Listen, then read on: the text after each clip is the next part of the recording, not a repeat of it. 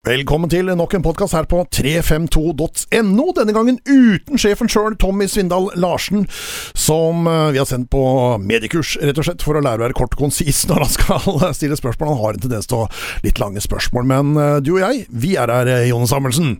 Ja, det er godt at vi er på plass, i hvert fall. Ja, det er det.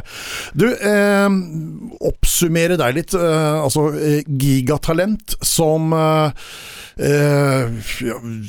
holdt deg borte på i Rogalandsfjorden en stund, og så kom du til Odd, og så ble det noen headinger som har blitt eh, magiske, og så var 2014 et fantastisk år. Og så ble det en avslutning som vi ikke helt er sikre på. Godt oppsummert? Ja. Kortversjonen? Kort, kortversjonen? Kortversjonen. Det er mye, det er mye inni der, men Eh, du er ikke helt på villspor. Nei. Det er ikke det. Ja, det vi, vi, tar det først som sist, Jone. Altså Denne avslutninga i Odd. Der, der, er et eller annet for meg som ikke helt stemmer. Altså Det, det skurrer litt. Spilte mye fram til eh, Mjøndalen-kampen, som var siste kamp før ferien. Og så var det vel egentlig bare to innhopp etter det. Hva skjedde for noe den høsten?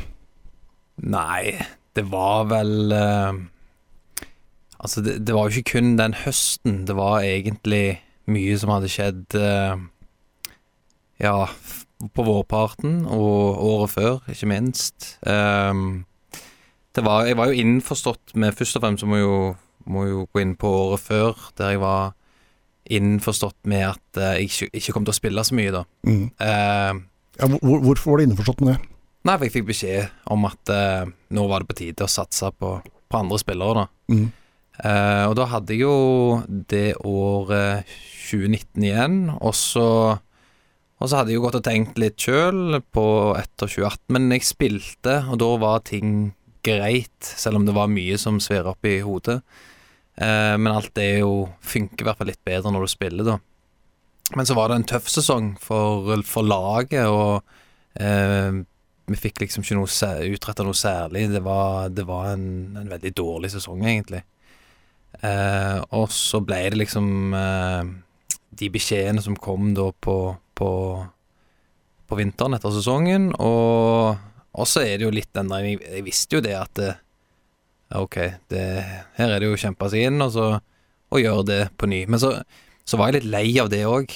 At jeg kjente det at vet ikke, dette orker jeg ikke lenger. Eh, det, det er litt han sjefen òg, i et nøtteskall, som slenger ut sånne ting, istedenfor mm. å bare da kanskje smøre gruppa litt og ha oss på plass hele gjengen, og så ble det en sånn en ting som det. Og så, og så kjente jeg òg at ok, mm, jeg var ferdig, det visste jeg i januar. Jeg prata med Tore og ga egentlig beskjed tidlig um, at dette her uh, er jeg egentlig ferdig med. Så, men så begynte jeg å spille litt, da, og så var jeg jo inne en del kamper. Og så, og så ble Mjøndalen en sånn en kamp der, eh, der jeg gjerne ble tatt av, da. I sånn, sånn type som det var den sesongen. Det var liksom, Ting funka ikke, og så ble jeg gjerne tatt av, og så, så skulle ting snu. Men så tapte vi, da, og så ble det gjerne syndebukken da, på, på, det. Og så, og, så, og så var det mange av de situasjonene som dukka opp igjen da, i, på, på høsten, at uh, Dag Eile ville jeg skulle spille. Han uh, Lagkompisene ville jeg skulle, skulle, skulle, spille, men så sa jeg da nei, egentlig. Og det var Det var ikke så mye for min egen del, men det var for at nå Nå følte jeg at vi hadde kommet så langt, og at en Josh spilte en dårlig kamp, eller Kåsa spilte en dårlig kamp, så syns jeg det var feil at jeg skulle inn eh, og ta plassen deres, da. Eh, litt sånn som jeg sjøl hadde opplevd, da eh, gjerne på vårparten. Eh, og da sa jeg ifra at du bør spille med de igjen, og du, nå bør du satse på de for fullt. Og på den måten så, så glei jeg liksom litt ut. Eh, og så hadde jeg en fin avtale med Rønningen om at jeg skulle gjøre det greit for, for andre laget, da. Så, så, så klarte jeg å gjøre det. Så det ja. var mm. men, men, men, det er som du sier sjøl, at måten det blir sagt på, altså ett år før kontrakten er ute, at uh, du er, Sorry, men du har vært en fin mann for oss, men neste år så kommer vi ikke til å bruke deg. Altså, uh, hvordan er den å få som, som, arbeidstaker? Nei, altså Det er jo selvfølgelig tøft, da. Til, men når du er Jeg var jo 34 da, var jeg ikke det? Når, eh, når de beskjedene kom, så og da kjente jeg Dag Eilev såpass godt, og eh, han, han, på ingen måte utelukka meg, da. Eh, han, han la det jo litt i, i hendene til meg òg, men at det, det ville være sånn. Men så er det jo sånn Sånn det som regel er da i sånne situasjoner, er jo det at hvis du da skal satse på en unggutt, så vil ting gå opp og ned, og så blir jo gjerne jeg den som har vært det trygge, som da skal inn og, og spille.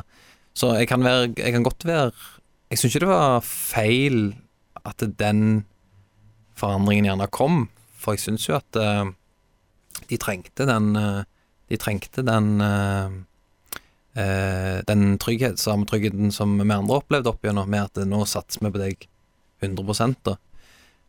men den, det var noe med den der svinginga der som jeg ikke helt klarte å akseptere, da, med tanke på Nå må vi bestemme oss. Enten så er det de fullt ut, eller så, så, så må jeg bli stilt på lik linje med de andre. Og da Og det ble liksom ikke noe av At det ble verken eller, da.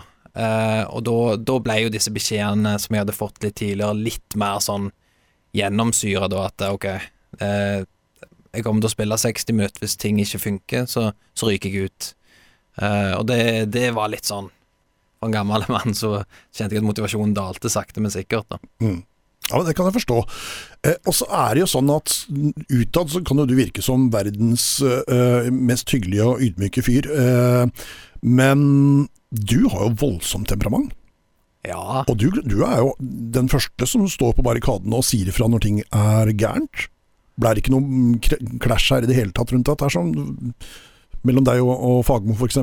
Uh, jo, uh, men ikke på noe sånn Ikke på en Altså, det var litt sånn todelt, da. Jeg, jeg vil nok si at jeg var verre når jeg sto midt oppi det sjøl og var kanskje en av lagets viktigste spillere. Mm. Da kunne vi barke sammen og, og, være veldig uenige om ting, og, uh, og kanskje òg lære, lære av hverandre. Uh, men siste året så det, det, er noe med den der Det er noe med den der innstillinga du får òg. Jeg syns, jeg syns treningshverdagen var hard. Uh, det var tøft å komme inn. Jeg syns Jeg syns kanskje Ja, det var Det ble, det ble det var tøffere mot gruppa. Det var, altså, det var tøffere beskjeder. Det var mer trening. Det ble, det ble så mye mer, da. Heldigvis så, så, gikk jo sesongen veldig bra, da. Men, men, på den måten så, så, ble jeg litt sånn i hodet at uh, Nei, nå må jeg bare holde det gående. Så er det liksom Jeg, jeg, jeg visste jeg var ferdig. Det, det, er liksom bare ut året, da. Eh, men det var selvfølgelig mange øyeblikk inni der jeg kjente at nå, nå kribler det veldig. Mm. men jeg prøvde å, å, holde meg litt tilbake, da, for jeg følte det jeg, følte, jeg så ikke at det gjorde noe godt for resten av gruppa, at jeg begynte å gjøre meg vanskelig. Da prøvde jeg heller å være støttende. For sånn utad, så altså måten som du eh, Hvordan du reagerte og bare jobba steinhardt for det andre laget, og ikke noe klaging, ikke noe syting. Eksemplarisk, Jone Samuelsen. Ja, altså det var klaging i det, det, ligger for latent i meg, det. Men, eh, men jeg, jeg, fikk klage til de rette folka, og um, jeg fikk sympati som var viktig. Det var mange som følte at uh, jeg kunne fortsatt spilt av de som jeg var på, lag, eller på laget, da. Og det, det, gjør jo noe, selvfølgelig. Det gjør jo noe med meg, da. At uh, jeg kjenner på, på det. Mm. Og så på den andre siden så, så, var det det ansvaret jeg kjente på um, mot de som var på det toerlaget. Uh, det er kanskje noe av det verste jeg opplevde når jeg var unggutt. Det var de som kom ned og egentlig bare ga faen på et sånt et toerlag. Så tenkte jeg at det her skal i hvert fall stå fram, sånn at det, de ikke kan ta meg på noe, da. Eh, men, men, det var et tungt år. Det, mm. det var det. Du, eh, på slutten av 90-tallet så begynte vi å høre om et gigatalent fra Vestlandet. Eh, altså, de, de, de, liksom dro sammenligning med Tommy Svindal Larsen. Eh, Tommy skulle vært der, så han kunne ha svart på det sjøl. Altså Det var Jone Samuelsen som, som var dette gigatalentet. Som, som var uh, full av uh, løpskraft og teknikk og spilleforståelse. Og, altså Alle snakka om Jone Samuelsen. Og så havner du i Haugesund. Hvordan skjer det her sånn? Altså En Stavanger-gutt havner der. Nei, det var en kombinasjon av mye. Det var Det var uh, I Stavanger så hadde Det var jo Viking som var stor klubb, men de hadde jo ikke noe Altså, ting var jo ikke organisert på samme måte på den tida, og Haugesund var faktisk veldig tidlig ute. Um, jeg fikk en helt annen oppfølging fra dag én, egentlig, eh, hvis du tar og, og sammenligner klubbene. Uh, Haugesund fulgte meg overalt på sonelag og kretslag, og var veldig interessert i å få meg opp. Uh, de hadde privatskole. De hadde et utrolig bra opplegg sammen med klubb. Uh, det var ikke snakk om at jeg skulle bli hentet opp der som noe juniorspiller, jeg ble hentet opp som rek altså rekruttspiller, da. Eh, I Viking så var det en helt annen innstilling. Det var På den tida så var det en enorm satsing på juniorlag. Altså de, de juniorlagene der kunne jo banke masse gode lag rundt om i, i distriktet. Altså det var, det var, liksom et helt annet nivå på det. Eh, de ble jo ikke tatt opp før de var egentlig ferdige som juniorer, vet du. Eh, så jeg fikk liksom egentlig bare tilbud om å spille på juniorlaget til Viking. Det var, det var, ikke noe mer enn det. Og så bodde jeg litt i utkanten av Stavanger, så det ville liksom blitt buss hver dag. Det ville blitt en helt annen hverdag, da.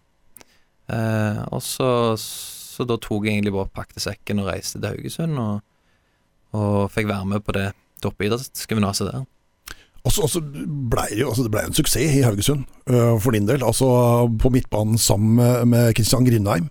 Eh, dere har gjort relativt gode karrierer begge to. Eh, det må ha vært en drøm for dere å bli satsa på som så unge spillere i den klubben, og lykkes? Ja, altså det var jo Fotball er jo tilfeldigheter, og de største tilfeldighetene var kanskje i Haugesund. Da. Det var jo masse penger inn i bildet eh, når vi kom opp. Eh, de hadde jo eh, Magnus Samuelsson og han Hasse Berggren og altså Den sommeren jeg reiste opp, som er i år 2000 så har jo han, han uh, Hasse Bergen har vel vært toppskårer i, i Eliteserien fram til sommeren. Et eller annet sånt, Jeg husker ikke hvordan det der var, men det er liksom klassespillere, da. Og de reiser jo, når de økonomiske problemene slår inn, da, eh, bare året etterpå i Haugesund, så, så mister jo de egentlig Haugesund hele laget. Eh, og disse spillerne på kjempekontrakter, de reiser jo hjem til, til Sverige og tar seriegull der med Elfsborg. Så det er liksom det er utrolig mye bra spillere som plutselig glipper, da. Og vi går jo da fra å være eh, spillere langt, langt bak i køen, til plutselig være førstelagsspillere. Nå var jo Kristian gjerne litt lenger framme enn eh, resten av oss da hadde fått debuten i Tippeligaen året før, men, men eh, plutselig så var det jo meg og Trond Erik, Bertelsen, Jan, Kjell Larsen, Kristian ja, og en del til som plutselig måtte inn og spille, da, for de måtte jo fylle opp laget.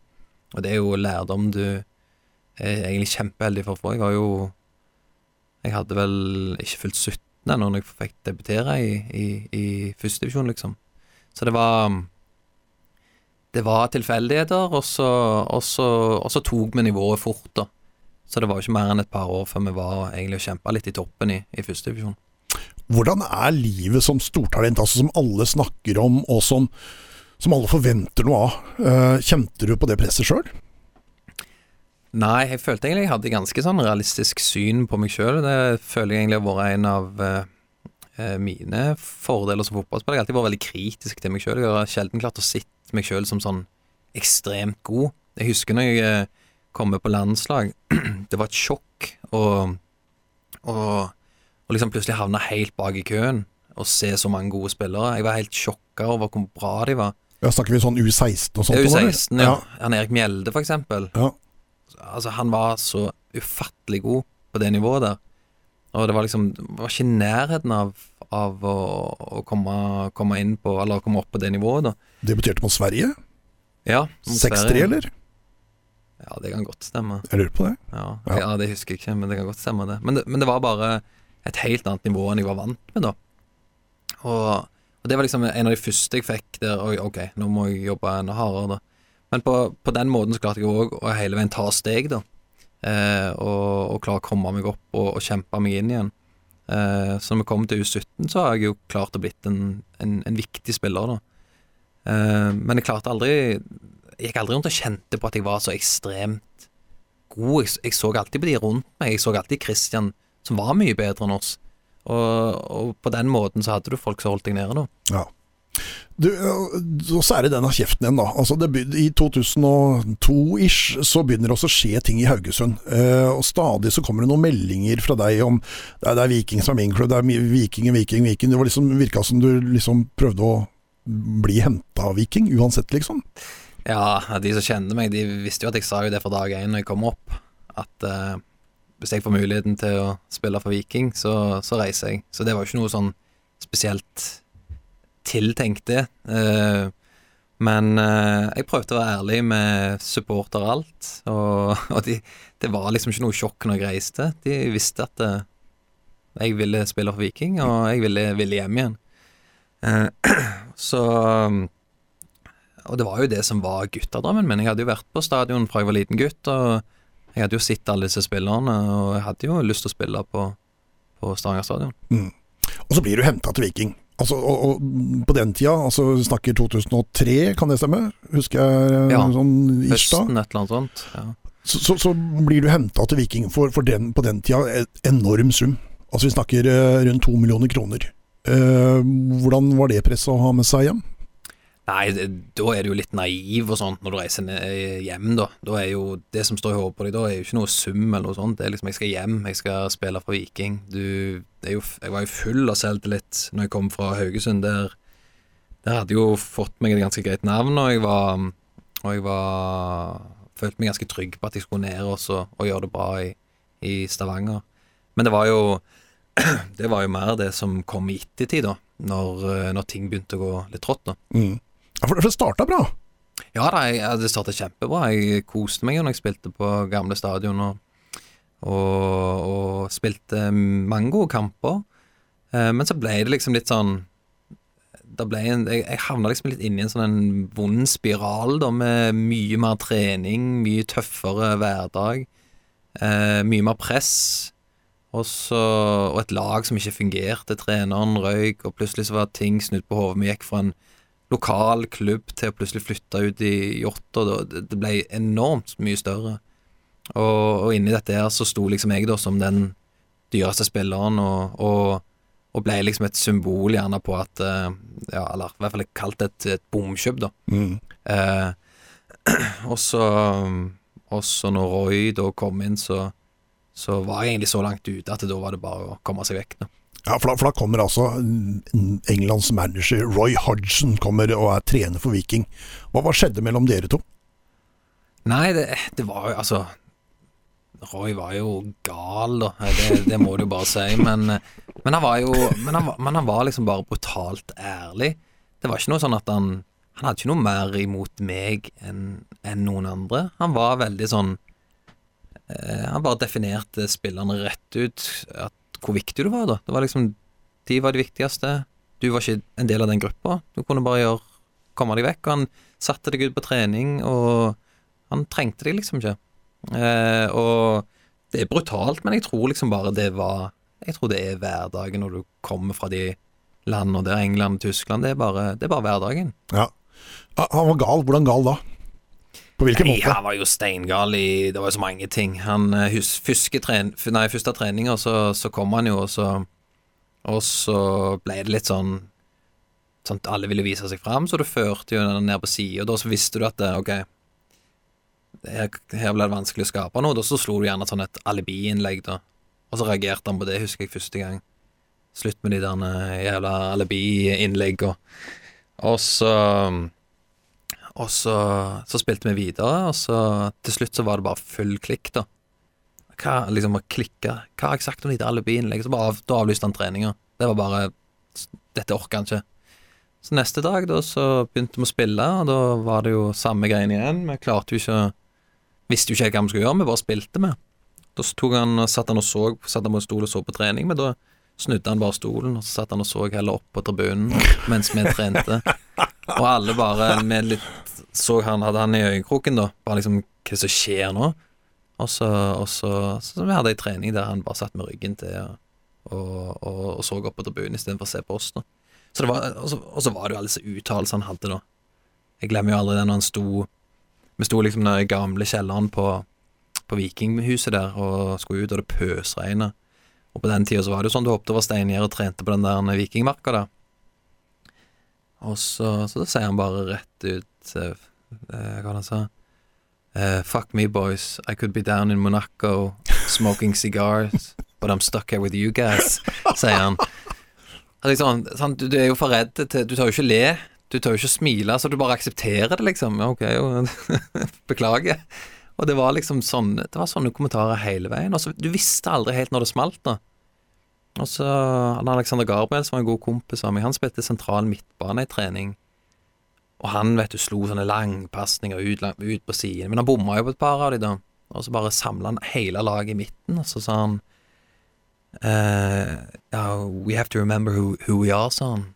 Og så pekte han på Alexander, og så sa han You're Alexander, you're, 18, you're an 18-year-old boy from, uh, uh, from Stavanger. You're not fucking Diego Maradona!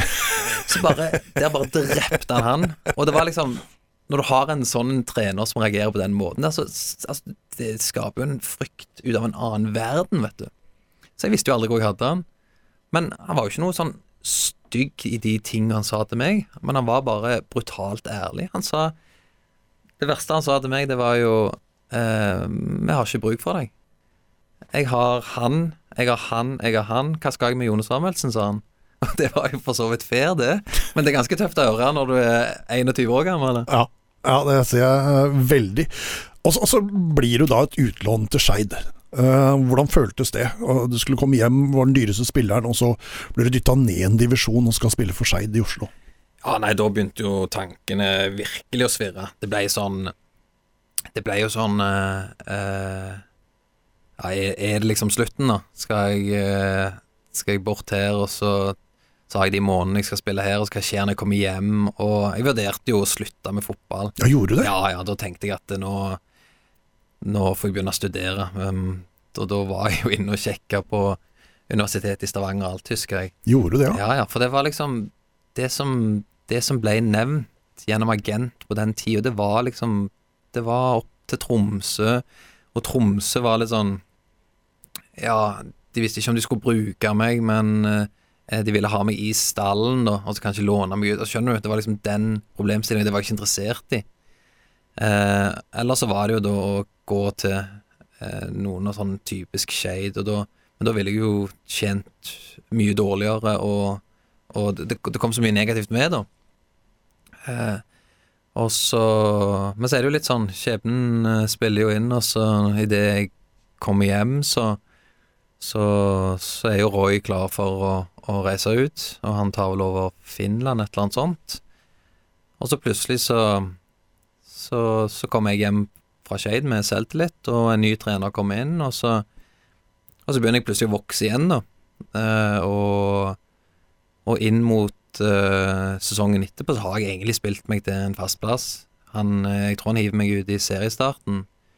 Eh, og, da, og da er det litt sånn Da reagerer folk på hvorfor jeg ikke spiller. Så jeg har liksom kommet meg opp der igjen nå. Og ut derifra så spiller jeg vel egentlig Mm. så å si ja, det meste som er opp igjennom. Eh, det var litt skader og litt sånt, men ellers var det mye spilling. Spilte jo med en grei midtbanespiller i Skeid også, som har fått en relativt grei karriere etterpå. Alex Ja. Tetti. Ja, jeg spilte med mange gode i Skeid, jeg. Ja. Spilte med Moa, var det jo. Ja. Og så var det jo eh, Fredrik Holm, eller? Nei, Fredrik hadde jo gått til Vålerenga. Han hadde jo kjempesesong i Vålerenga. Det var det Ja. året de tok seriegullet. Men nå må jeg tenke litt. Det var jo Det var jo Tetti, ja. Tetti var jo ganske ung når vi var der. Eh, og så var det jo en del av disse Sarpsborg-guttene. Han Breive og Og han Kjetil Berge var der jo. Eh, og så Hva var det jeg tenkte på nå? Ja, Moss. Ja. Eh, bror til Moa var det. Ja. Hansen var det jo. Så det var jo veldig mye bra spillere der. Så du spilte med André Hansen allerede da? André Hansen var vel Han var ung, han må ha vært tredjekeeper, da. Mm. Eh, jeg husker ikke han så godt, men han sa det, ja. Han husker at meg han hadde slått noen langpasninger. Eh, men da er det sikkert fordi han var så ung, så jeg sikkert tvunget han til det. men ja, han var det, han òg. Ja. Så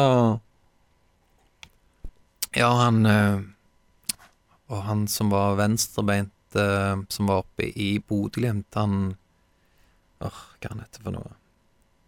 Nei, var han er vel i Kina. Eh, I Kina? spiss. Venstrebeint. Veldig god sånn eh, fotsal.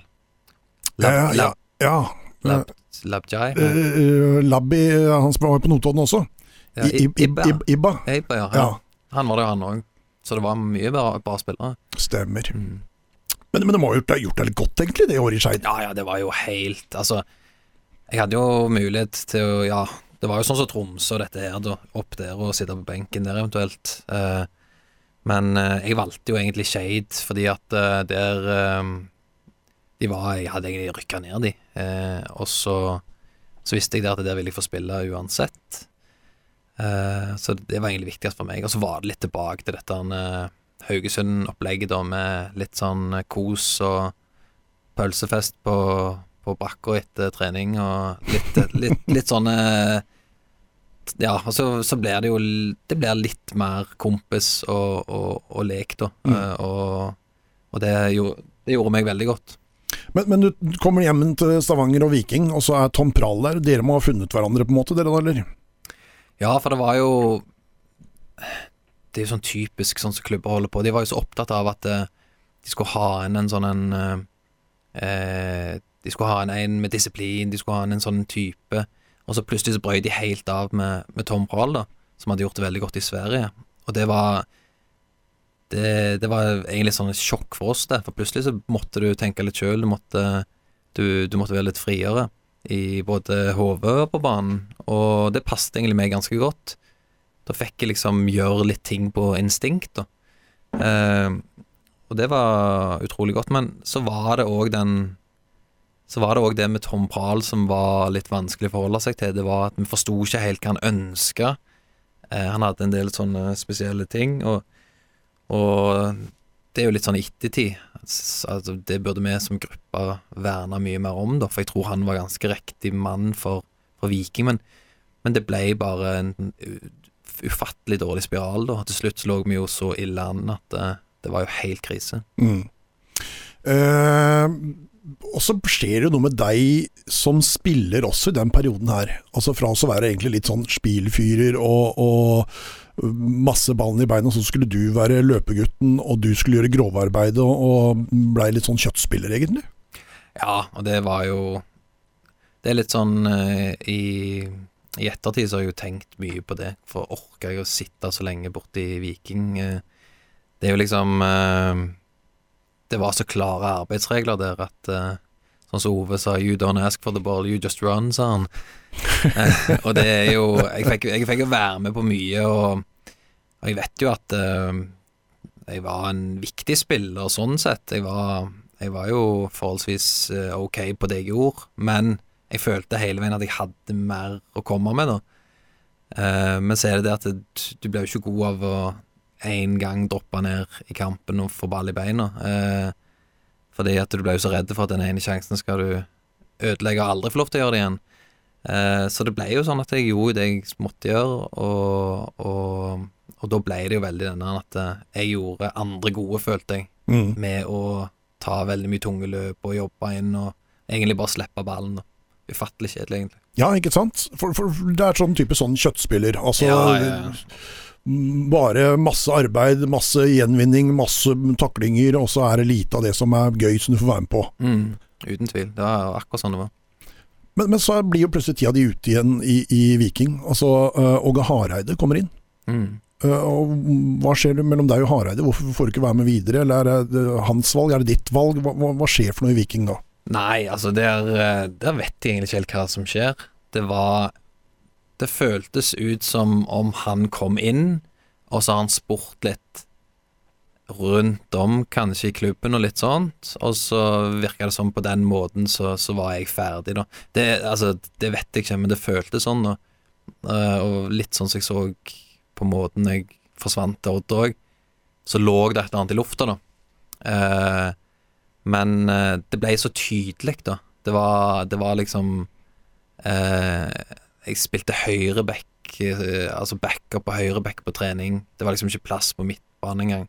Um, jeg hadde en skade, husker jeg, og da var det plutselig den nye policyen var at ingen skada spillere skulle til på treningsleir. Så var, jeg var den eneste som var alene hjemme i Stavanger uten Altså, jeg måtte bare gå og trene sjøl, liksom. Og da kjente jeg jo bare Så da, da ble det jo egentlig bare kontakt. Egentrening hjemme i Stavanger ja, i 14 dager mens de andre er i Syden? Ja, ja. Jeg tror, jeg, jeg tror det var enda lenger òg, vet du. Det er beinhardt, altså. Ja, ja, det var helt uh, latterlig. Og så i den perioden der, da, så, så kommer det jo fram at, uh, at uh, Odd var interessert, da.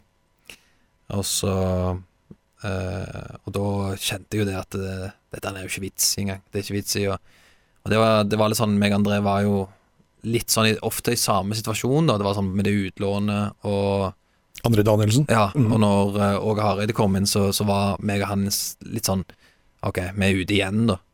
Og det var jo der Altså, han hadde jo veldig sånn at han skulle bli, da, uansett. Mens der ble jo jeg litt sånn Nei, faen, dette gidder jeg ikke mer. Og så, og så ja, tok jeg egentlig bare sekken og, og reiste, da. Hvordan uh, oppsto den kontakten mellom deg og Odd?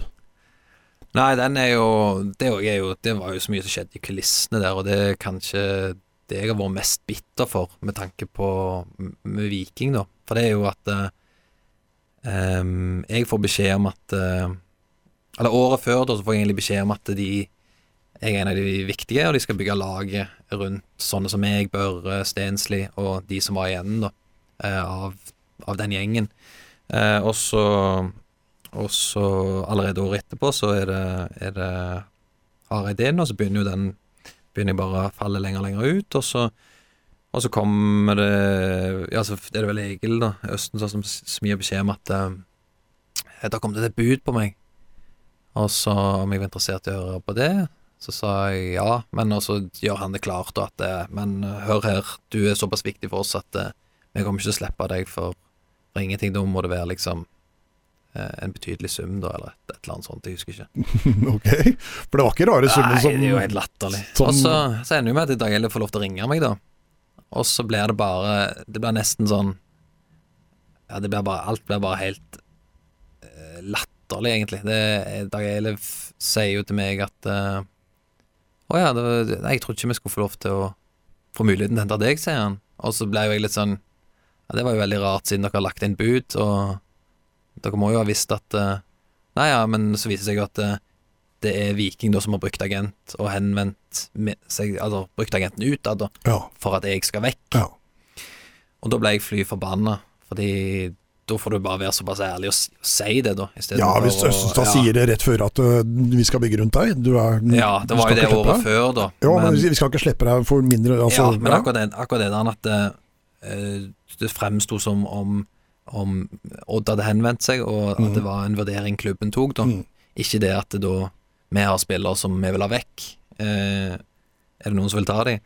Så, så, Og da, da, ble det jo Da gikk jeg jo innom til Egil, og så sa jeg det at Men hva skal jeg gjøre nå? Altså, jeg, nå har jeg ikke noe valg, sa jeg.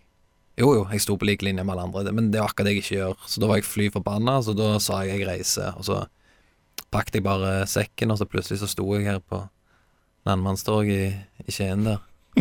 Lurte på hva faen jeg har gjort nå. ja.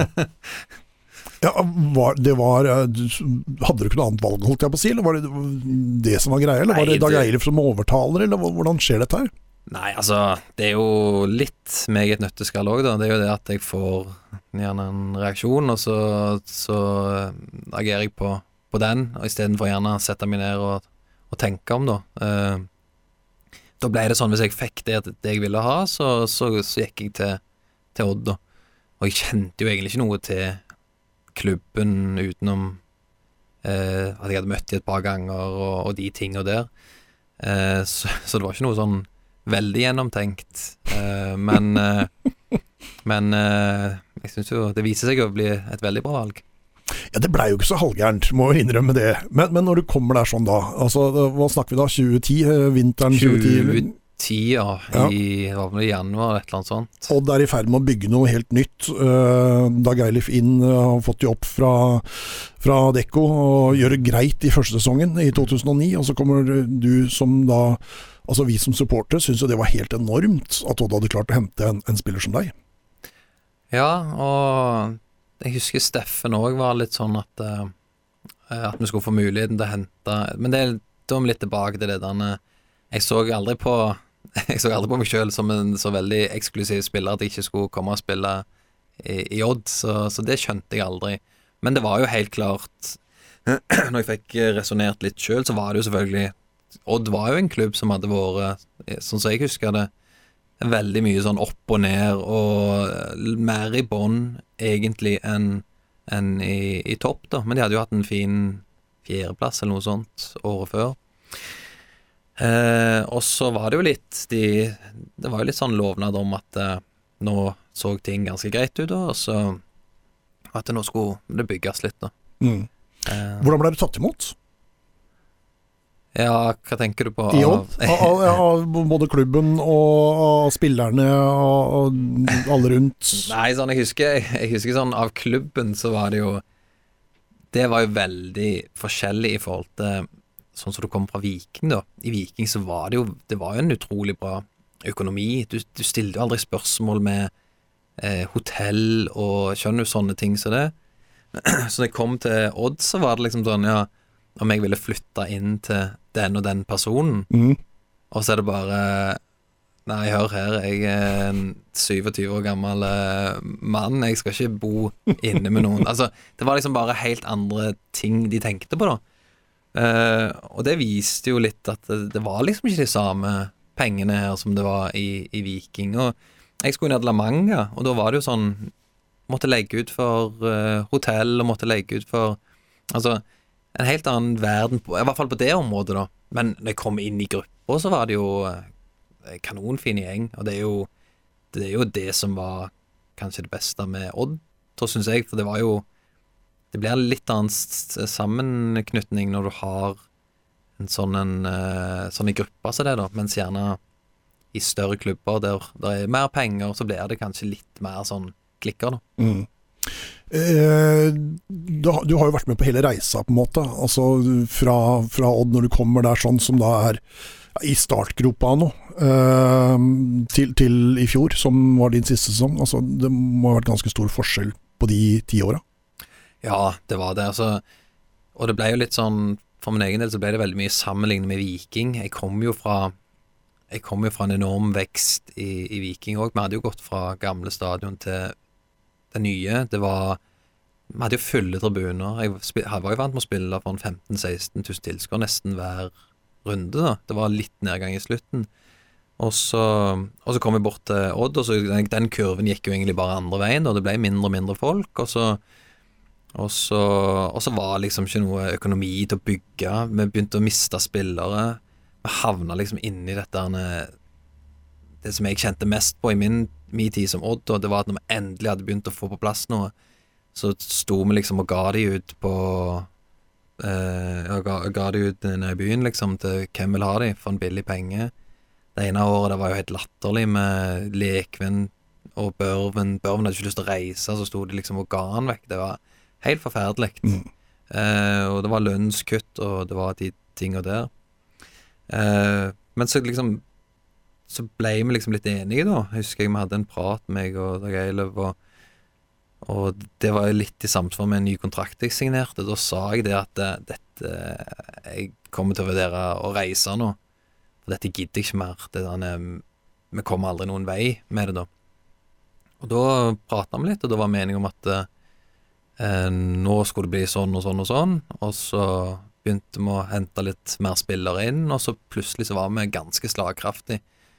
Og det er jeg utrolig takknemlig for at jeg fikk være med på. For det Mm. var eh, Og i hvert fall at jeg fikk spille så stor rolle i det sjøl nå. Det gjør jo at det betyr veldig mye. Og så har vi altså denne vidunderlige 2014-sesongen, uh, som, som du er altså helt outstanding. Uh, hvordan føltes den sesongen for deg? Nei, det, det var jo sånn som jeg, som jeg alltid sa, det var jo Det var jo så veldig i sam, samsvar med laget, da. Altså, det var jo eh, Jeg ble jo veldig markant fordi at jeg eh, Fordi at jeg skårte en del mål og hadde en del assist. Du skåret vel fem på de første ti, eller sånt? Ja, altså, ja, det, sånn- var- det var helt det var helt eh, vilt. Det var helt enormt. Og så var det jo Og så var det jo Altså sånn fotballmessig, da, og de kvalitetene jeg hadde, de følte jeg var ganske like som tidligere. Men jeg, jeg, jeg skjønte jo det sånn som alle, alle som spiller fotball, skjønner at hvis du skårer mål, så blir det et helt annet fokus, da. Eh, men det som var så gøy, det var jo det at eh, det var jo ikke bare jeg som gjorde det bra, vi var så mange.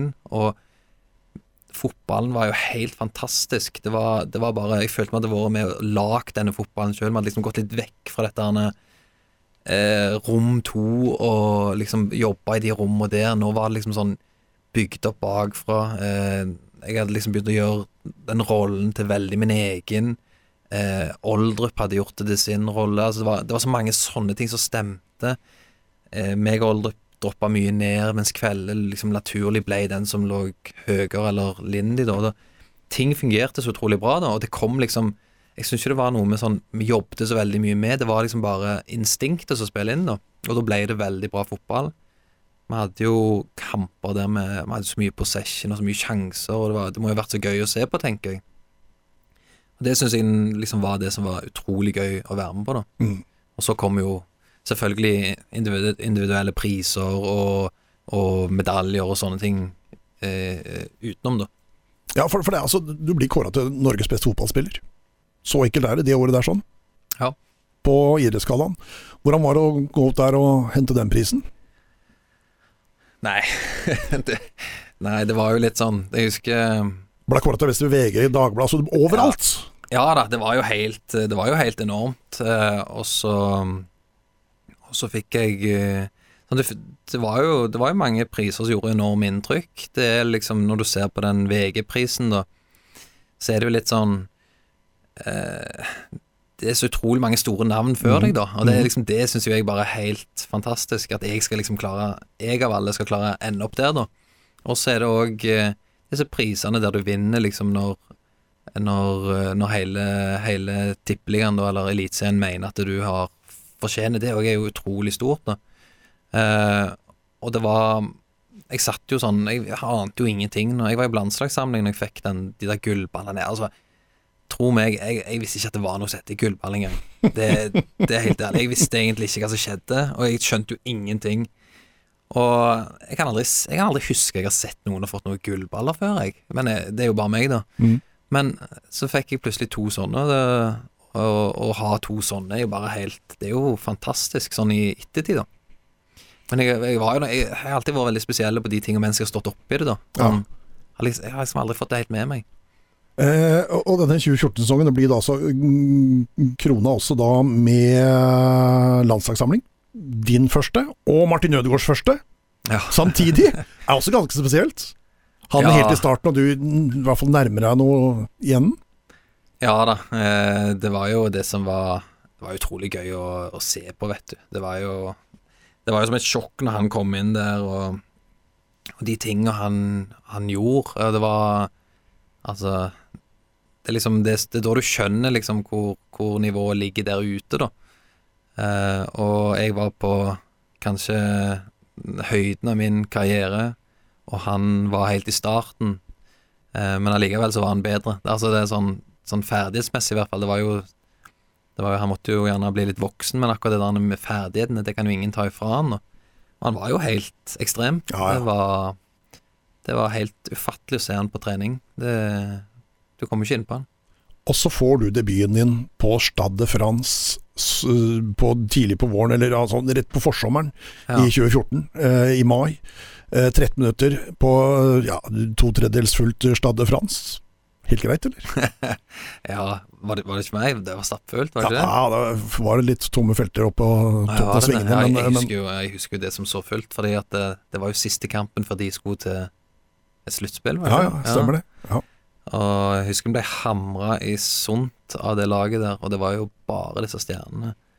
Og så Jeg tror det var på 4-0 eller noe sånt. Ja, 0-4. Ja, så Da er det jo Per-Mathias som spør om jeg har lyst til å spille, og jeg bare Ja, veldig, sier jeg. Husker jeg sier ja, veldig. Jeg har veldig lyst. For nå tenker jeg at dette er den gangen jeg er med på landslaget. Jeg gir meg nå i hvert fall en én landskamp, tenker jeg. Så hiv meg innpå. Og så, så da heiv han meg innpå, og så Uh, det var jo en helt syk opplevelse. Uh, og, så, og så gikk det liksom sånn ganske greit òg, og det var jo liksom òg gøy å kjenne på, liksom. Det første, ting, det første som skjer oppe, det er jo at den ene skal utfordre meg, og så klarer jeg liksom å vinne ballen. Og det er bare sånn bang, så har du fått litt, litt selvtillit. Så, og så fikk jeg prøv, husker jeg fikk prøvd meg på noe skudd og noe sånt, og det bare Altså, jeg var jo i drømmeland, jeg, når jeg sprang på det. Mm. Det blei ti landskamper. Mm. det blei fire seire, det blei to uavgjort, og så blei det fire tap. Ja. Eh, avslutter med relativt rundspilt av Italia eh, der nede. Tapte 2-1, men, ja, men Italia det. var fryktelig god i den kampen. Det var siste landskampen din. Ja, stemmer. Hva husker du best fra landslaget? Nei, altså sånn uh, den, Debuten hang jo veldig høyt, og den, den, var helt ekstrem. Det var bare Har du drakta ennå?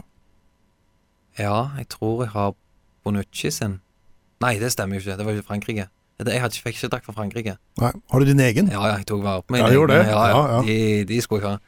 Eh, men, men den var helt enorm, for det var bare det var liksom bare altså Landslaget er liksom det største du kom som, som norsk fotballspiller. da Altså Du kan jo selvfølgelig si utenlandsklubber og det, men som nordmann så er det liksom landslaget som er, er det største.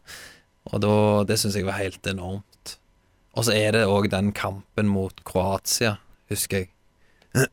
da stemte så mye for min egen del, da. Eh, og det var så gøy å kjenne på at jeg Altså, OK, det er kanskje ikke alltid, men akkurat i dag så klarer jeg å være, henge med på dette nivået her. Mm. Og det var et høyt nivå. Ja, ja.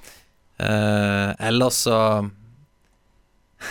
Ellers så, så, så er det jo liksom bare disse opplevelsene rundt. Og det var, jeg syns jo det var gøy med, med Martin Ødegaard og jeg sa det jo til han da han debuterte. Jeg er glad jeg var her når du debuterte, så det er en viktig dag for norsk fotball. Ja ja, er du gæren. Selv om vi enda venter litt på at han skal ta det helt store steget og dominere på landslaget ordentlig. Eh, men det tror jeg kommer. Det tror jeg òg kommer. Glemmer, glemmer ungene. Det tror jeg går eh, meget greit. 2015 eh, også en vidunderlig sesong for, eh, for Odd. Uh, fryktelig mye bra som skjer i den sesongen med, i serien. Uh, masse store seire, mange seire på rad. Uh, og så er det disse vidunderlige europaligakampene. Mm. 15 sekunder. Ja, stemmer. Så er det en heading fra Jonny Samuelsen, altså. 15 sekunder! Og du som ikke liker du headinga, du ja, hater å heade! Altså Uh, og så blir du bare huska for to, to skåringer ja. på huet, og så hater du Hedde. Det var akkurat det jeg skulle si. Det, var, det er jo det alle ungene de, de husker det. Du har skåra fra midtbanen, og så har du skåra mot Dortmund. Det er liksom det som henger igjen. Mm. Uh, og, men det var jo Altså, at jeg skårte, var jo for så vidt greit nok, det, men det var jo bare den enorme kampen som, som sitter igjen. Uh, det var jo Ja, det var jo kanskje noe av det største vi har opplevd her. I hvert fall de sprøeste 30 minutter. Ja, og hvordan, hvordan opplevdes det, når man leder 3-0 over Dortmund? og de det er klart, De blir ikke rundspilt, for de har noen fantastiske sjanser også for et lag, men, men man leder 3-0 på hjemmebane mot en, en gigaklubb som det. Ja, nei, det var liksom bare Det var liksom bare en, en liten sånn en uh, det, var, det, var, liksom det Vi gikk jo ut der og, og var dømt nord og ned, og det er noe med den der følelsen der for vi, vi, jeg husker vi prata om det at det, vi må i hvert fall unngå å tape med så enormt stygge siffer, da. Eh, og så når du plutselig da bare Så, så forventningene var det jo ikke. Skuldrene var jo bare ned, og så plutselig når vi hamrer inn mål etter mål, og så i tillegg har flaks og det holder andre veien, mm. så, så blir det en helt syk følelse. Og jeg husker jo når vi gikk inn til pause, så begynte vi nesten bare å le, vet du. Det var sånn Hva faen skjedde nå? Dette her er jo helt surrealistisk. Men da begynner det å bli litt sånn Nå, nå er det på her, for nå, nå blir kommer kjøret, så det, det, er ganske synd at vi ikke klarte å holde, for det hadde vært utrolig med en seier, da. Ja. Eh, jeg var jo på stadion, men når jeg ser TV-bildene etterpå, denne enorme gleden dere har sammen når Espen Ruud eh, flyr bortover på kne og vifter med armene der sånn, altså, eh, dere, dere ser sånn euforisk ut. Ja, og det var jo det tror jeg jo Nå vet jeg ikke hvor mange som var på kamp, men sier det var en 13 000. Og det, jeg tror alle var, alle var der. Og det er jo en sånn en Det er jo det som gjør at det blir sånn. Det er jo det at de som hopper, er oppe og hopper og rister på hodet, de er jo ikke vant med å gjøre det på vanlige kamper. Nei. Så, det, så blir, det blir bare en sånn en ekstremt samla følelse da inne på, på stadion. Eh, og jeg tror det var det som var Det, det var det som liksom løfta fram Eh, den enorme stemninga, da. Og så er det ingen som, som, husker egentlig hvordan kampen endte. Det er bare at vi leda 3-0. Alle, alle, går og husker på den. Det er jo det som syns jeg best på stadion ennå, når de bare viser de De viser bare de første tre mål, og så kutter, kutter de filmen. og så skal dere ned til Dortmund, på Westfalen stadion, altså uh, Signal Iduna. Uh, hvordan var den opplevelsen? Og så så mye mennesker det var. Altså, det ja. var pakka stadion. Jeg spilte jo ikke, jeg. Ja, du var der. Jeg var der, eh, men det er jo ja, det er jo typisk meg. Jeg var sliten, jeg, så jeg spurte om jeg kunne stå over. Du spurte selv! ja, jeg, jeg hadde jo vært på landslagssamling og alt, så eh, jeg hadde, Og jeg hadde ikke egentlig det behovet, behovet for å spille ut på det. Jeg følte det var viktigere ting i serie. og, og, så jeg tror jeg satt på benken den kampen. Og det Ja, jeg tror det stemmer. Uh, men uh, Det er ganske vilt, uh, Jonny. Ja, det er egentlig det når jeg tenker meg om på 90-tid. Men, uh, men eh, Nei, så jeg, eh, jeg satt på benken og gjorde meg egentlig klar, og så Du tenkte at det, nei, den sjansen kommer ofte med Odd, vi kommer til å spille mange ganger der sånn. Nei, men jeg følte heller at eh, Ok, jeg var ganske sikker på at der nede får vi stryk uansett. Eh, og vi mangla ganske mange. Jeg tror eh, Du kom ikke innpå engang! Nei, nei, jeg tror ikke det. Du har tror- ikke spilt på siden av Linunda, du. Nei, nei. Og så tror jeg Lasse var Lasse var ikke med. Han satt vel på tribunen. Håvard Satt han òg på tribunen, kanskje? Mm. Så det var liksom sånn Vi heiv ut på en del eh, av de Ja, kall det B-spillerne, da, men eh, det ble liksom litt sånn Og så tar vi ledelsen. Ja, stemmer. Ja. Det, det gjorde vi òg. Ja, ja. Men jeg tror det var Halvorsen som skåret. Jeg tror ikke Ocean spilte, gjorde han det? Jeg husker ikke. jeg. Jeg, sto på tribunen og var vel ikke helt edru, så jeg husker ikke. Ja, det ikke sånn. Nei, men det var, det var Det var gøy å se på, da. Og være nede på og bare ja, få trene på banen. Jeg var egentlig mest opptatt av at det var en heispiller som spilte der ute i uh, Vegard Bergan, så det, det var jeg ganske fornøyd Ja, han har spilt det, ja. Ja, Ja, ja, stemmer. det. Mm. Stemmer det. Uh, nei, det var, det var en fantastisk opplevelse, den biten der sånn. Uh, bortsett fra dette her sånn, hva, hva ser du tilbake på uh, din Odd-karriere? Uh, hva har betydd mest for deg? Altså, hva, hva sitter du igjen med? Nei, altså du kommer ikke unna Altså de har vært veldig tett på i, i, i så lang tid, da. Det, altså, de har jo Jeg har jo kompiser her som jeg eh, nesten har uh, fulgt opp fra de var junior, som uh, uh, Fredrik Sem, for eksempel. Sant? Når jeg kom, så var jo han bare en ung gutt, og meg han har jo egentlig holdt tett i hele løpet opp igjennom. Og samme med, med Torgeir og, og disse. Vi har jo delt utrolig mye sammen. Og så er det jo folka i Odd, da. Det er jo Du får en tilknytning til den klubben eh, på en helt annen måte når du er der i ti år, da. Eh, så, så Så jeg kommer ikke unna at, eh, at eh, det er mye gode venner der oppe. Så den eh, vinterdagen du sto på Landmannstorget, det viste seg å være helt greit? Ja, det må jeg si det. Det var Nå er jeg jo fortsatt bosatt her i, i byen og har unger med feil dialekter, så, så, så Så sånn sett har det vært veldig, veldig godt. Eh, Jeg angrer ikke på det valget jeg tok der. Du eh, har jo fått masse U-landskamper. Eh, U21 under Per-Mathias Høgmo, hvor du da også får beskjed om skal spille mot Brasil. Du skal ta ut Kaka. Det, det er en myte. Er det myte? Ja, det er myte. Ja, for det har jeg hørt. Ja, det har, jeg, det har jeg hørt, og det tror jeg fordi at det sto på en eller annen nettside eller noe sånt. Eh, men det fikk jeg aldri beskjed om, at du skulle, jeg skulle ta ut han. Det, det er sånn som har kommet etter. Jeg, jeg visste jo ikke hvem det var engang, uh, men jeg hørte jo at de Du veit det nå?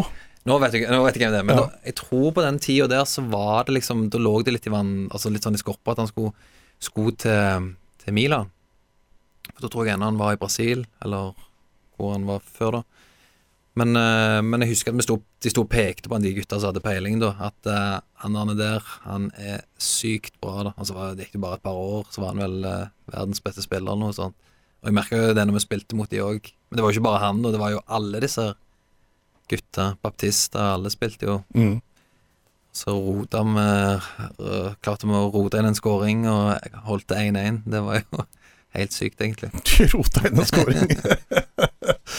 Ehm, jeg må ta et par ting, da. Eh, kan selvfølgelig Vi må ta med oss eh, 58,126 meter 25.9.2011. Du har diplomen hjemme på veggen, eller står den pakka vekk?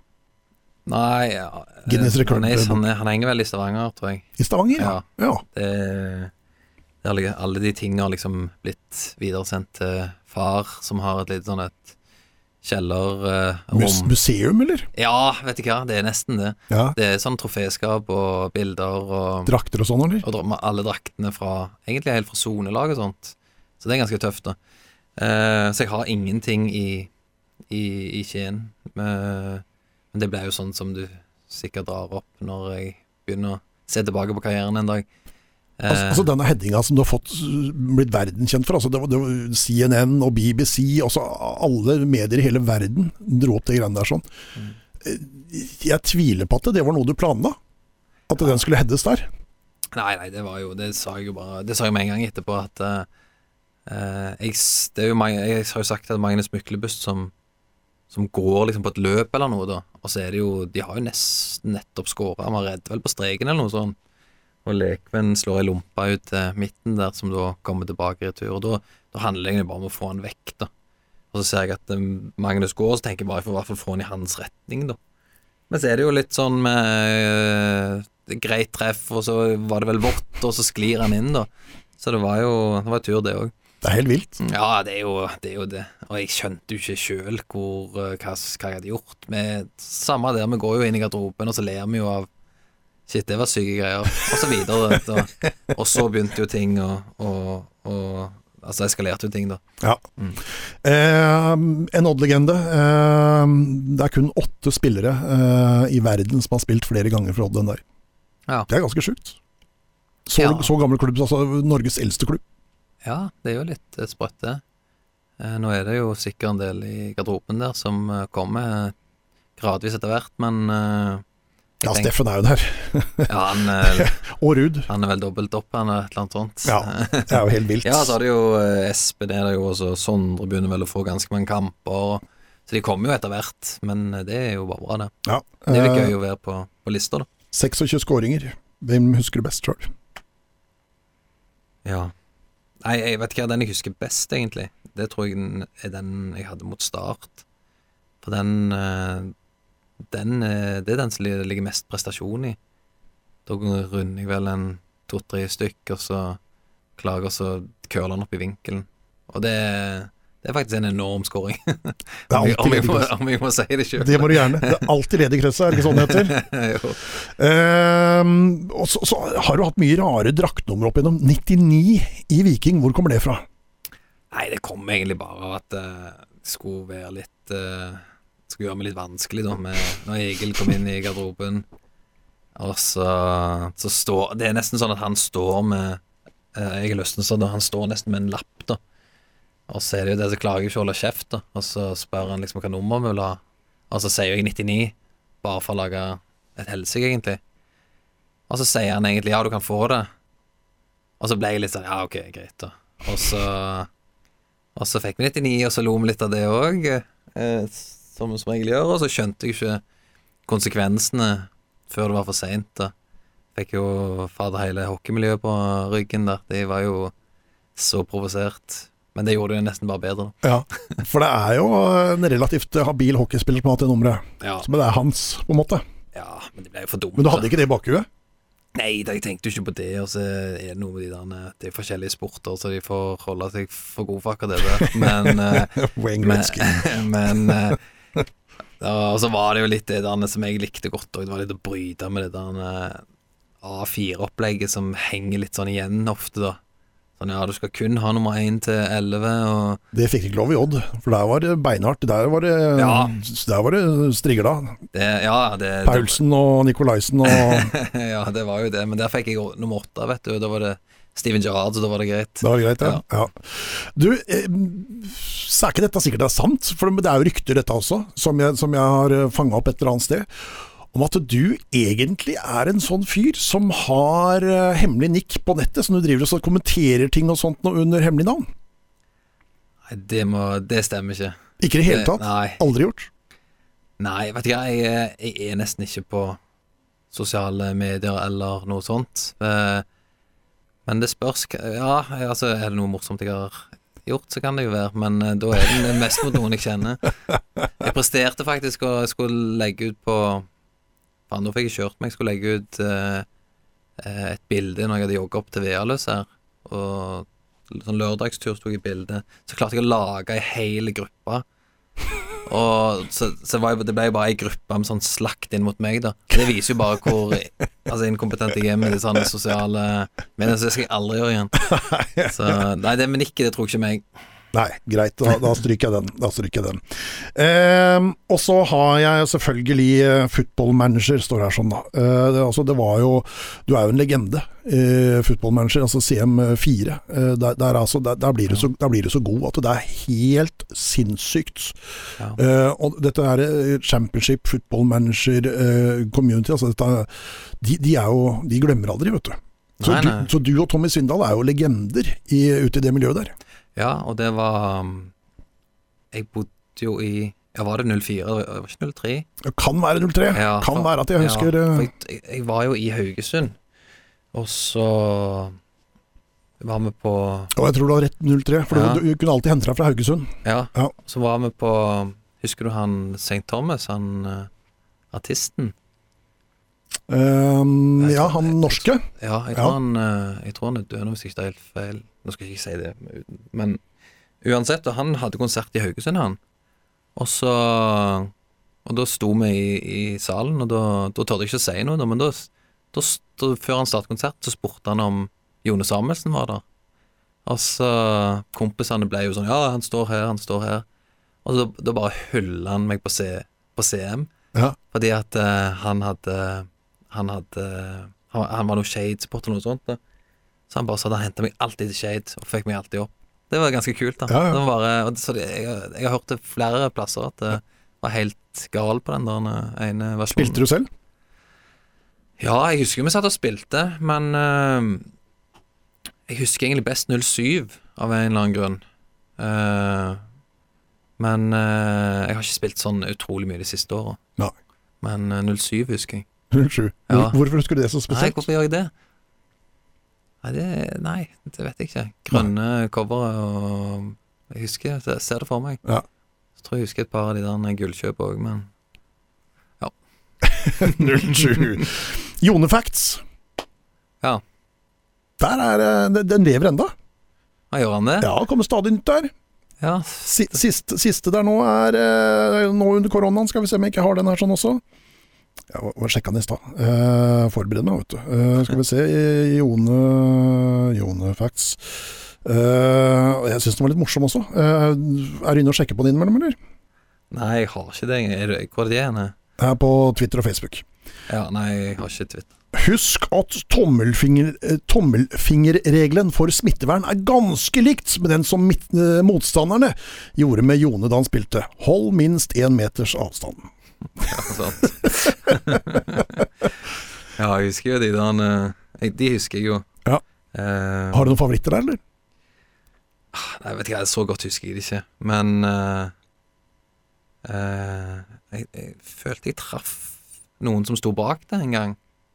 de hevda i hvert fall det. Okay. Ja, og det var litt kult, da. Og de sa at det hadde tatt veldig bra av. Det, det var jo i rundt 2014 eller noe ja. sånt, tenker ja. jeg. Ja. Mm. Jeg lever ennå, altså. Ja. Kommer stadig, stadig nye der sånn. Uh, de har altså da uh, eh, 600 følgere, nesten 650, så, og de tweeter hardt, de. Uh, ja. Stadig nye Jonefacts som kommer ut. Uh, Jone blir nå omtalt som Odd-legende. Skjerpings! Jone ble kalt legende allerede etter tre uker i barnehagen. Så uh, ja, og så, leste vi jo noe, no, no gøy uh, her ja, tidlig i år, at i fjerdedivisjon så skal altså da Håvard Storbekk og Jone Samuelsen spille for samme lag i Telemark, for Storm. Mm. Har dere ikke fått gjort det ennå? Nei, vi har vel bare noen vinterkamper der før alt stengtes. Ja. Mm. Lever den drømmen ennå, eller blir det noe Ja, drøm og drøm. Eh, det er jo eh, Altså, det er vel sånn vi har hatt en god prat med, med Storm om at eh, vi har vel gjerne ikke noe drøm lenger om å oppnå så veldig mye, men eh, vi har, eh, har, veldig lyst til å spille fotball. Og vi har jo blitt tatt kanon imot oppe på, på Storm, og, og, det er jo et eh, en veldig fin gruppe, det. Og, så det er synd at det ikke ble noen kamper i år, for det kunne vært uh, veldig gøy. Får vi se dere på banen sammen i 2021? Ja, jeg, altså vi er oppe og trener når, når, vi har tid. og Nå er vi, kan vi være litt sløve begge to, men, eh, men eh, vi, har, vi, har, vært der oppe og, og, trent, og trent med. Så vi, jeg regner med vi får spilt noen kamper neste år. Ja, det har vært morsomt. Og du har vel noen treninggjerninger der oppe også, hvis ikke jeg husker feil? På Ja, Kleiva? jeg hadde jo, men nå er det jo Nå har jeg jo fått uh, Altså, ungene begynner jo å, å bevege seg inn i fotballen, de òg, så, så jeg har vært litt rundt hun, hun jentungen, og så uh, har jeg liksom trent litt med A-laget, da, og så, og så kjenner jeg jo det at jeg får ikke være der altfor mye. Uh, det er jo en grunn til jeg slutta med fotball òg. Det er jo for å kunne ha litt mer fri. Mm. Og, og da Så jeg har trukket meg litt mer ut, da. Men, eh, men eh, eh, som jeg sier, det, det kommer vi kommer til å være involvert der i så mange år framover uansett, så mm. Du, hvordan er livet som eh, fotballpensjonist? Nei, det er ganske deilig. Det må jeg innrømme. Jeg har ikke noe savn eh, ennå. Og nå er det jo Ja, det begynner å bli en stund siden jeg var involvert i, i, i Odd og, og toppfotballen. Det er jo ikke et år siden engang. Nei, det, ja, men vi begynner jo å nærme oss nå med tanke på Når var det vi ja, November. var november og ferdig, ja. ja. Så, men det, det har vært en ganske sånn behagelig overgang, og jeg var jo veldig klar for det. Mm. Og jeg må jo si det at det, det er jo deilig å kunne kjenne på de helgene og, og slippe å trene på hver lørdag og, og reise og, og, og de tinga der. Hvordan er livet som lærerstudent, da? Ja, det er litt mer utfordrende. Det, Nei, det, det er gøy. Det er gøy fordi at det, det er noe jeg ikke har kon helt kontroll på. Og det er noe jeg må lære på, på nytt. Det å være student, og det å, å liksom komme meg gjennom det livet der. Men så er det òg veldig gøy, da. Det, jeg har jo vært heldig og fått eh, jobba litt eh, som assistent eh, i i perioden fram til, til studiene starta. Og, og det er jo noe jeg syns er veldig givende og veldig gøy. Så det er jo en grunn til jeg tar dette. Men, eh, men det, er, det, det er jo tøft. Det er, det er ganske mye, mye som, som skjer på, på skolen. Mm. Eh, jeg må spørre om eh, 2015 så har du altså da utenlandske klubber som eh, ligger egentlig litt sånn langflate etter uh, Jone Samuelsen, så velger å skrive ny kontrakt med Odd isteden. Uh, noe som ble ut eh, Jeg har lest om det at det var, eh, ble belønnet med milliondeal eller et eller annet sånt noe. Eh, har du angra på at du aldri forsøkte deg utenlands? Eh, Ja, altså Angra, det blir vel gjerne litt feil å si, for det var Da var jeg 30 år når jeg signerte den, og da fikk jeg en langtidskontrakt i Odd. Det var Det var veldig gode tider, ting var veldig bra. Eh, og, og i tillegg så hadde vi nettopp fått barn nummer to. Eh, og det å begynne å reise rundt i det, da, da måtte jeg gjort det alene, og det var ikke noe jeg var interessert i å gjøre. Hvilke klubber snakker vi om? Nei, det var jo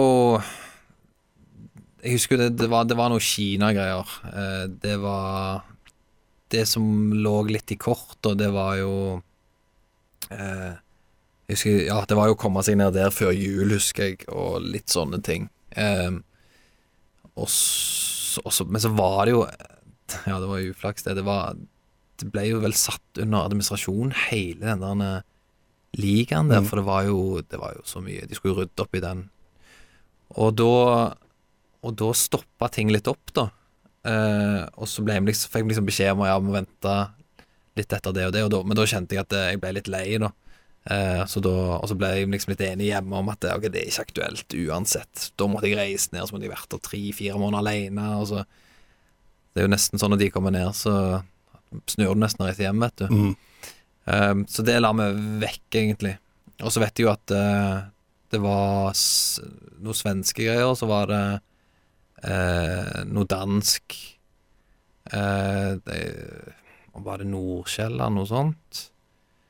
Eh, men der, der var jeg såpass kynisk at da gikk jeg kun inn og så på økonomi, egentlig. Mm. Eh, jeg gadd ikke reise ned og bo dyrt i, i København eh, for en opplevelse. Jeg var forbi det, det, det punktet der. Eh, og vi, som sagt, vi sto der med to unger, og for å reise ned der og tjene bitte litt mer, det, det ga meg ingenting. Da måtte det være noe markant. Mm. Så i tillegg så, så la de fram en sum, da, og jeg så jo egentlig på, på den summen at eh, Odd kom til å kreve mer for meg, for det var en sånn totalsum. da det, Det måtte kjøpes ut, og så skulle du få resten i lønn, og, og sånn og sånn. Eh, så på den måten så, så gikk jeg egentlig inn i forhandlinger med Odd, og så litt sånn hadde ting på avstand. Og så, så syns jeg egentlig at det var ganske greit, det jeg fikk i Odd, da. Eh, og, og trivdes, og syntes det var en god plass å være. Og da signerte jeg videre. Eh, har du sett noe pod uh, i år? Uh, under Dag eh, Nei, unnskyld, med Jan Frode Nordnes istedenfor uh, Dag Eile Fagermo? Ja, jeg har sett litt, men jeg har ikke sett så veldig mye. Ikke nok til at jeg egentlig kan eh, gi noe grundig evaluering, men jeg har jo sett noen kamper, og det, det lille jeg har sett, syns jeg har vært helt knall, knallbra. Mm. Eh, det er jo deilig å, å se en, den friheten, da, og, og hvordan enkelte spillere slipper seg løs. Mm.